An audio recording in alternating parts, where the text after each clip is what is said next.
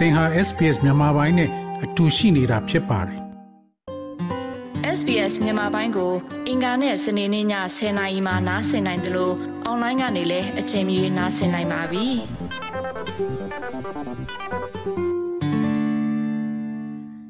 နေမီအင်ပါယာကြီးမာတဲ့ရှမ်းပြည်နယ်ကိုပုံဖော်လေးရှိတိုင်းမတူကွဲပြားတဲ့လူမျိုးစုတွေကြားကပဋိပက္ခဟာအမြဲတစေပါဝင်လေးရှိပါတယ်။ ရှမ်းပြည်မြောက်ပိုင်းနဲ့တောင်ပိုင်းတခြားအစုအဖွဲ့အသီးသီးကြားတိုက်ပွဲတွေကြားမှာပြည်သူအများစုဟာလည်းစစ်ပေးရှောင်ဘဝကနေရုံမထွက်နိုင်သေးပါဘူး။မြောက်ဖက်ခြမ်းမှာတော့တအောင်းမျိုးသားလူမျိုးရေးတပ်မတော် TNL မြန်မာမျိုးသားဒီမိုကရက်တစ်မဟာမိတ်တပ်မတော် MNDAA ဝပြည်သွေးစည်းညီညွတ်ရေးတပ်မတော် UWSA အမျိုးသားဒီမိုကရက်တစ်မဟာမိတ်တပ်မတော် NDAA PSC အဖြစ်လက်ရှိအချိန်ထိအခြေပြုလှုပ်ရှားနေကြတာပါ။ တောင်ဘက်ပိုင်းမှာတော့နာမည်ကြီးလက်နက်ကိုင်အုပ်စုတွေဖြစ်တဲ့ရှမ်းပြည်ပြည်လဲထူထောင်ရေးပါတီ RCSS ရှမ်းပြည်တိုးတက်ရေးပါတီ SSPP ပအိုအမျိုးသားအဖွဲ့ချုပ် PNO PNA နဲ့ PNLO PNLA တို့ကရှိနေတာပါစစ်တပ်ကအဓိကကြိုးကင်ချဲလဲဖို့ကြိုးစားထားတဲ့တနိုင်ငံလုံးပြစ်ခတ်တိုက်ခိုက်မှုရက်စဲရေးသဘောတူစာချုပ် NCA မှာတော့ PNLO PNLA နဲ့ RCSS တို့ကလက်မှတ်ရေးထိုးထားခဲ့ပါတယ်။ တကြော့ပြန်စစ်တပ်အာဏာသိမ်း၃နှစ်နီးပါးအချိန်မှာတော့စစ်ကောင်စီနဲ့ရှစ်နှစ်ကြာအပြစ်ခတ်ရက်စဲထားခဲ့တဲ့ PNL က NCA ပြည့်ပြည့်သွားပြီဖြစ်တယ်လို့အခုလ26ရက်ကထုတ်ပြန်လိုက်ပါတယ်။ PNL ရဲ့နာယကဘုံမူကြီးခွန်အုပ်ကကဘဒုဘဒုရန်သူဆိုတော့သတ်မှတ်ပြီးတော့တိုက်ခိုက်ရန်ရှာတာလည်းမရှိပါဘူးကျွန်တော်တို့ကိုဒေတာကိုထိန်းသိမ်းဖို့အခြေအနေပဲရှိပါတယ် ကျွန်တော်တို့ကလူထုမျက်နှာမှာကြောက်လို့ဆိုပြီးတော့ကျွန်တော်တပ်ပါကာပေးတဲ့အနေနဲ့လူထုကိုကာကာကွယ်ဖို့အနေနဲ့ဝင်လိုက်တာပါဒါကြောင့်မြို့ထဲရောက်တော့အလုံးရောပြီးတော့ပုံကျဲခံရရတယ်ပါကြတယ်ဆိုတော့ဒီခမှုတွေပါဖြစ်လာတယ်တော့ယူဆပါတယ်တင်းရင်ဒီဒီဘက်ကပြေးလာတဲ့တပတ်တဲ့အလုံးကျွန်တော်ဆောင်းလျှောက်ထားတယ်ပြင်မွေးထားတယ်ကုန်ကြီးထားတယ်အခုကျွန်တော်နေလည်းပါတိုက်ပွဲရောက်လာတော့ကျွန်တော်တို့လည်းသူတို့တို့ရချေရပဲပိုးမှတော့မသိတော့ဘူးကြတော့ ကြက်တဲတော်တော်ဖြစ်သွားတယ်ပအုပ်ကိုပိုင်အုပ်ချုပ်ခွင့်ရဒေတာဟုတ်ပုံမြို့နယ်စံဖူးရွာမှာဇန်နဝါရီ22ရက်က PNL PNL ရင်တပ်ကိုစစ်ကောင်စီနဲ့လက်အောက်ခံပအုပ်ပြည်သူစစ်အဖွဲ့တွေကတာစီယာကစားပြီးတိုက်ပွဲတွေဖြစ်ပွားခဲ့ပါတယ်။ဒါကြောင့် PNL ဘက်ကစစ်ကောင်စီနဲ့ညှိနှိုင်းခဲ့ပေမဲ့သဘောတူညီမှုမရရှိဘဲနောက်တနေ့မှာ PNL ဌာနချုပ်နဲ့နေတဲ့နောင်ထော်ရွာကိုစစ်ကောင်စီကလက်ရင်နဲ့ဘုံကျဲတိုက်ခိုက်ခဲ့ပါတယ်။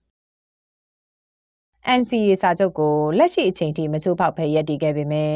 အာမခံချက်ရှိတဲ့နိုင်ငံရေးရလဒ်မရခဲ့ဘူးလို့ PNL ဘက်ကဆိုပါတယ်။ PNL ဟာစစ်ကောင်စီဖိတ်ခေါ်တဲ့ NCA ရှင်းနေပြနှစ်ပတ်လည်မှာလည်းတက်ရောက်ခဲ့သလိုအခုလ9ရက်တုန်းကလည်း NCA လက်မှတ်ရေးထိုးထားတဲ့ EAO ခုနှစ်ဖွဲ့နဲ့ညီချင်းရေးဆွေးနွေးပွဲကိုလည်းတက်ရောက်ခဲ့တာပါ။ မြန်မာနိုင်ငံလုံးဆိုင်ရာចောင်းသားများဒီမိုကရက်တစ်တပ်ဦးရဲ့ပြောရေးဆိုခွင့်ရှိသူရဲဘော်စန်နီကတော့ NCA ပြက်ပြရတာစစ်တပ်ရဲ့ခရီးမတည်မှုတွေကြောင့်လို့သုံးသပ်ပြောဆိုပါတယ်။ဒီနေ့ NCA မှာပါဝင်တဲ့အချက်လက်ကိုစတင်ချိုးဖောက်လိုက်တာကလည်းစစ်တပ်ပဲဖြစ်တယ်။ NCA မှာကနိုင်ငံရေးပြဿနာကိုဖြေရှင်းနိုင်ဖို့အတွက်နိုင်ငံရေးဆွေးနွေးဖို့အတွက်လမ်းပြမြေပုံအတိအကျပါတယ်။ဒါပေမဲ့2021ခုနှစ် ဖေဖော်ဝါရီလ ၁ ရက်နေ့မှာ စစ်တပ်က အာဏာသိမ်းလိုက်ပြီးတဲ့နောက်ပိုင်းမှာတော့ အားလုံးပျက်ပြယ်သွားပြီ။ NCA ကို လက်မှတ်ထိုးခဲ့တဲ့ တိုင်းရင်းသားတော်လှန်ရေးအဖွဲ့အစည်းတွေက လွှတ်တော်ပြင်ပကနေ တိုင်းပြည်ရဲ့ပြန်လည်တည်ဆောက်မယ့် ပြည်ထောင်စုတရပ် ပြန်လည်တည်ဆောက်မယ့် လမ်းကြောင်းတခုအပေါ်မှာ လျှောက်ခဲ့ကြတာ။အဲဒါလည်း စစ်တပ်ကြောင့်ပဲ ပျက်စီးသွားခဲ့ရတာပဲ။အဓိကပြဿနာက စစ်တပ်ကြီးစိုးရေး အတွေးအခေါ် စစ်အာဏာရှင်စနစ် ပြန်လည်ပြန်လည်သွတ်သွင်းမဲ့အတွေးအခေါ်တွေကြောင့် ဒါတွေက ဖြစ်ခဲ့တယ်။အဓိက တရားခံလို့ ပြောမယ်ဆိုလို့ရှိရင်တော့ စစ်တပ်ပဲ ဖြစ်တယ်လို့ ကျွန်တော်ကတော့အဲတင်ပြချင်ပါတယ် PNL PNL ထိန်းချုပ်ရနယ်မြေတွေဖြစ်တဲ့ ပင်လောင်မျိုးစီဆိုင်မျိုးဟိုပုံးမြို့နယ်တွေမှာမှစီဆိုင်နဲ့ ဟိုပုံးမြို့နယ်တွေတဲကကြေးရွာတွေမှာ စစ်တပ်က အကြိတ်20ထက်မနည်း လေကြောင်းတိုက်ခိုက်နေတာဖြစ်တယ်လို့ ထုတ်ပြန်ထားပါတယ် လေးရက်ကြာရက်ဆက်တိုက်ပွဲဖြစ်ပွားခဲ့တဲ့စီဆိုင်မြို့နယ်ကိုတော့ PNL ကသိမ်းပိုက်နိုင်ပြီဖြစ်တယ်လို့လည်းဇန်နဝါရီ28ရက်ကထုတ်ပြန်ခဲ့ပါတယ်။အင်အားရာကနန်းလောက်ရှိတဲ့ PNL အတွက်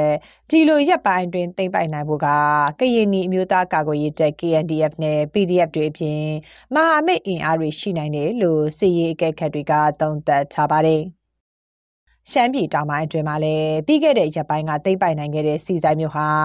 ရှမ်းတောင်စစ်စင်ရေးရဲ့ပထမဆုံးအောင်မြင်မှုတစ်ခုပါမြို့သိမ်းနိုင်တာနဲ့အတူပဋိပက္ခအခြေအနေတွေကြားအရက်သားတည်ဆုံမှုတွေလည်းရှိနေသလိုရှမ်းတောင်ဘက်ကိုဆစ်ဆောင်လာကြတဲ့ကရင်နီတွေအပါအဝင်ရှမ်းတောင်ဒေသခံတင်းကြီးဘေးလွတ်ရာကို ပြောင်းရွှေ့နေရတယ်လို့သိရပါတယ်။ ဆစ်ဆောင်နေရတဲ့အခြေအနေနဲ့ပတ်သက်ပြီး PNL တပ်ဖွဲ့ဝင်တူကဟုတ်တယ်အားရှင်းချောင်ကြတယ်အများကြီးလေဒီတိုင်းပဲနေရာပေါင်းစုံရွှေ့ကြတယ်လူတွေအများကြီးပဲငါကိုစစ်ချောင်ဟောင်းဒေတာခါကလုံးပေါင်းရှောင်တော့လူရတော်တော်များဒေတာခါငါကအဲတောင်းကနန်းလောက်ရှိတယ်တောင်းဝင်းကျင်လောက်ရှိတော့အခုဒေတာခါကလည်းမရှိဘူးဆိုတော့တင်းနီးပါလောက်ရှိမယ်တဲ့ထချောင်လိုက်ရတာဗောလေ အခုတော့တော်တော်လူတွေဗျာအမူကာမူကာလည်းမရှိကြဘူးစားစရာပါကြတာတော့မသိဘူးရုပ်တရက်ပြေးဖြစ်တော့ရုပ်တရက်ပြေးကြတော့လေနေစရာတော့တော်ခက်တယ်တဲ့လူတွေအများများတော့လေဘယ်နာတော့သူ့တော်တယ်မှနေတဲ့လူတွေရှိတယ်အိမ်မှာကနေတယ်လူအစုံပဲဗျာသူတို့လည်းအဆင်ပြေသူတို့ရှောက်ပြေးရတယ်လူရကျွရပြေးကြတာပဲအာရရှိဆိုတော့ဆန္ဒိုက်ခါတို့နေစရာတို့တော့စီဝါတော့ကျော်ကကျောင်းရုံကောင်းလို့စီဝါဆိုတော့ဘယ်လိုလူဝင်ပြရတော့မသိဆိုင်တယ်အကုန်လုံးပိတ်နေတယ်လေဗျာ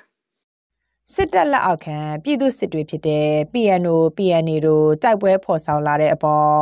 ပအိုလူမျိုးအချင်းချင်းပြိပခဖြစ်လာမှာကိုလည်းပြည်သူတွေကစိုးရိမ်နေကြပါတယ်။ပအိုအမျိုးသားဖက်ဒရယ်ကောင်စီ PNFC ကလည်းလူမျိုးချင်းပြိပခတွေမဖြစ်ဖို့ဇန်နဝါရီ28ရက်ကထုတ်ပြန်ထားပါတယ်။ လက်ရှိအခြေအနေတွေအတွင်းပအိုအမျိုးသားအချင်းချင်းအပြန်အလှန်တိုက်ခိုက်တာတွေမလုပ်ဘဲပြည်သူစစ်တွေအနေနဲ့လည်းအမျိုးသားလူမျိုးရေးလမ်းကြောင်းပေါ်ကူပြောင်းလာဖို့ကို PNFC ကတိုက်တွန်းထားပါတယ်။စစ်အာဏာရှင်ကိုခုခံတော်လှန်နေရင်နှစ်ပေါင်းများစွာအချင်းချင်းတိုက်ခိုက်နေကြတဲ့ရှမ်းအဖွဲ့တွေကြားတကြပြန်တိုက်ပွဲတွေပြန်လည်လာမှကိုလည်းဒေသခံတွေမလိုလားကြပါဘူး။ ပအိုအမျိုးသမီးတဦးဖြစ်တဲ့မက်ကျဲစင်ကတော့ပအိုအဖွဲ့အစည်းတွေအနေနဲ့ပြည်သူတွေဘက်ကိုငှက်ကြည့်ပေးကြဖို့တောင်းဆိုထားပါတယ်ပိုးချင်းချင်းပြန်တိုက်ရတာကတော့ဒါမှဖြစ်တင်ဘူးလို့တော့မြင်တယ်ဥမာရှိနေတဲ့အဖွဲ့နှစ်ဖွဲ့ပေါ့လေနော်ပိုးလူထုအတွက်ပိုးမျိုးသားရေးကိုချစ်ချုပြီးတော့တည်ရှိနေတဲ့ဖွဲ့စည်းနှစ်ဖွဲ့စလုံးဖြစ်တယ်ပေါ့လေနော်တို့ပေမဲ့ခုလိုမျိုးချင်းချင်းပြန်တိုက်တာကတော့ပြန်မကောင်းဘူးလို့တော့မြင်တယ်သူတစ်ဖက်တိုက်တယ်ဆိုတာကရောပဲဖွဲ့စည်းပဲဖြစ်ဖြစ်ပေါ့လေပြန်ကြည့်လိုက်မယ်ဆိုရင်ကို အဖွဲ့အစည်းရေးကိုဥတည်သွားတာလားဒါမှမဟုတ်ပိုးနိုင်ငံရေးကိုဥတည်သွားတာလားပိုးမျိုးသားရေးကိုဥတည်သွားတာလားဆိုတဲ့ဟာမျိုးပေါ့လေနော်ခုဆိုရင်ပိုးတွေအနေနဲ့ဆိုပိုးတွေလူချင်းတဲ့နိုင်ငံရေးမျိုးမှချက်ကပါလေသူတို့ရဲ့ချင်းချင်းတိုက်တဲ့ပုံမှာပိုးလူထုတွေကိုတုံးချက်ခံဖြစ်စေရတဲ့မျိုးမဖြစ်စေချင်ဘူးပေါ့လေနော်ဥပမာတစ်ဖက်ကလည်းပိုးမျိုးသားအတွက်တန်နေမြေလုံးချုံရေးအတွက်ဆိုပြီးတော့စစ်သားစုဆောင်တွေရှိတယ်တစ်ဖက်ကိုပြန်ကြည့်လိုက်မယ်ဆိုရင်လည်းဒါအိုးမျိုးသားရေးအတွက်ဖြစ်တယ်ဆိုတဲ့ဟာမျိုးတော့ဖြစ်ပြန်ရောနှစ်ဖက်စလုံးကပြောတဲ့စကားတွေကတိတ်တော့မကွာကြပေမဲ့အချင်းချင်းပြန်တိုက်တဲ့ပုံမှာဆိုရင်တော့ကျမတို့လူထုအနေနဲ့ဆိုရင်တော့တန်တရားဖြစ်ဆက်ကောင်းတယ်ပေါ့လေနော်ပိုမျိုးသားရေးကိုတကယ်ဥတီသွားတယ်ပိုမျိုးသားရေးကိုပဲချေချူတယ်ဆိုရင်တော့အချင်းချင်းညှိနှိုင်းစေချင်တယ်စကားပြောစေချင်တယ်2015နောက်ပိုင်းလောက်ကစပြီးအာနာသိန်းကာလလက်ရှိအချိန်ထိ RCSS နဲ့ PNL တို့တိုက်ပွဲတွေကြိုကြားကြိုကြားဖြစ်ခဲ့ပါတယ်။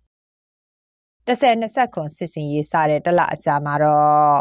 RCSS SSA နဲ့ SSPB SSA တို့ကအပြစ်ခတ်ရစဲကြောင်းသဘောတူခဲ့ပေမဲ့ဒီအပေါ်ပြည့်ဝတဲ့ယုံကြည်မှုမရှိဘူးလို့ဒေတာခန်တွေကဆိုကြပါတယ်စစ်ကောင်စီနဲ့တိုက်ခိုက်ဖို့အတွက်လက်ရှိအချိန်မှာတော်လှန်ရေးဘက်ကနေ PNL လို့ပါဝင်လာတာကိုတော့အိပ်ပျော်နေတဲ့ကြာကြီးနိုးလာပြီဖြစ်တယ်လို့တင်စားပြောဆိုကြပါတယ် ဝမ်းမြောက်ကြောင်းထောက်ခံအားပေးကြပေမဲ့ကွဲပြားနေတဲ့လက်နက်ကိုင်အဖွဲ့အစည်းတွေရဲ့မသိမြတ်မှုတွေကြားပအို့လူမျိုးစုတွေလိုချင်တဲ့ပအို့ပြည်နယ်ဖော်ဆောင်နိုင်ရေးလမ်းစဉ်ကိုရှောက်ဖွေနိုင်ဖို့ကိုလည်းပြည်သူတွေကတိုက်တွန်းနေကြတာပါနိုင်ငံရေးလေလာသုံးသပ်သူဒေါက်တာဆိုင်းကြည်စင်ဆိုကတော့ PNO နဲ့ PNL လိုမျိုးပေါ့ သူတို့က နိုင်ငံရေးရရက်တီချက် မတူကြဘူး ဒီအချိန်မှာတော့ ကျွန်တော်တို့က ဘုံရန်သူကြီး ထင်ရှားတယ်ဆိုတဲ့ သဘောနဲ့ကျွန်တော်စစ်ကောင်စီကို တိုက်ခိုက်ချေမှုန်းဖို့ဆိုတဲ့ဟာ အားတာနေပြီနဲ့ တကယ်လို့ အဲ့ဘုံရန်သူဆိုတဲ့ဟာကတစ်ချိန်ချိန်မှာကျွန်တော်တို့အားရော့သွားမှာပဲ အဲ့လို ပျောက်သွားတဲ့အချိန်ကျရင် ကျွန်တော်တို့အဲ့ဘုံရန်သူတခြားဒီလိုမျိုးတမိုင်းကြောင်းအရာနေနေရဒါမှမဟုတ်ကျွန်တော်စီးပွားရေးအကျိုးမြတ်တွေရဒါမှမဟုတ်ဒီတဘာဝအရေးမြစ်ခွဲဝေမှုဆိုင်ရာအရာစတဲ့ဟာတွေအဲ့ဒါတွေကအခုချိန်မှာပြဿနာတော့မဖြစ်သေးဘူးအကြီးကြီးကျယ်ကျယ်ပေါ့နော်ဒါပေမဲ့အဲ့ဒါပြဿနာဖြစ်ဖို့အတွက်မီးစားတွေဆိုတဲ့ဟာကိုကျွန်တော်တို့မြင်တတ်ဖို့လိုတယ်အဲ့လိုကိစ္စတွေကိုကျွန်တော်တို့ကအခုကလေးကကင်ကွယ်ဖြေရှင်းနိုင်ဖို့ညှိ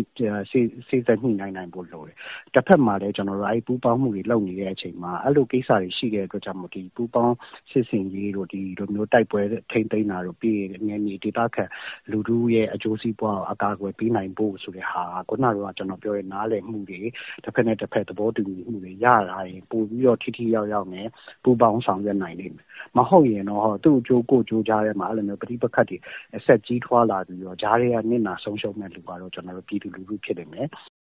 ရှမ်းပြည်နယ်တောင်ပိုင်းရဲ့ဒေသခံတိုင်းရင်းသားတွေဟာရိုးရာဓလေ့ထုံးတမ်းတွေစားတိုက်ပွဲအကျိုးဆက်ရလက်တွေကိုသာရင်ဆိုင်ခဲ့ကြရတာပါဒေတာတွင်မငြိမ်ညံ့မှုအခြေအနေကြောင့်အလောက်ကင်ခွင်လန်းစာမဲနဲ့တောင်ကျော်တခြားဘိန်းဆိုင်ပြုံမှုကိုလည်းအချို့ကရွေးချယ်ခဲ့ကြရပါတယ်ဒီအခြေအနေတွေကနေလွတ်မြောက်ဖို့အရေးမှာတော့လက်ရှိຫນွေဦးတော်လှန်ရေးကာလဟာသူတို့အတွက်ဒီမိုကရေစီလမ်းစာအဖြစ်ယုံကြည်နေကြဆဲပါ ဒီသတင်းဆောင်မကိုတန်လွင်ခက်ကပေးပို့ထားတာဖြစ်ပါတယ် SBS မြန်မာပိုင်းကို အင်ကာနဲ့စနေနေ့ည10:00နာရီမှနားဆင်နိုင်ပါတယ်။နားဆင်နိုင်တဲ့နည်းလမ်းအများကြီးရှိပါတယ်။ Radio Digital TV Online ဒါမှမဟုတ် SBS Radio App ကနေတဆင့်နားဆင်နိုင်ပါတယ်။ SBS မြန်မာပိုင်းအစီအစဉ်ဖြစ်ပါတယ်ရှင်။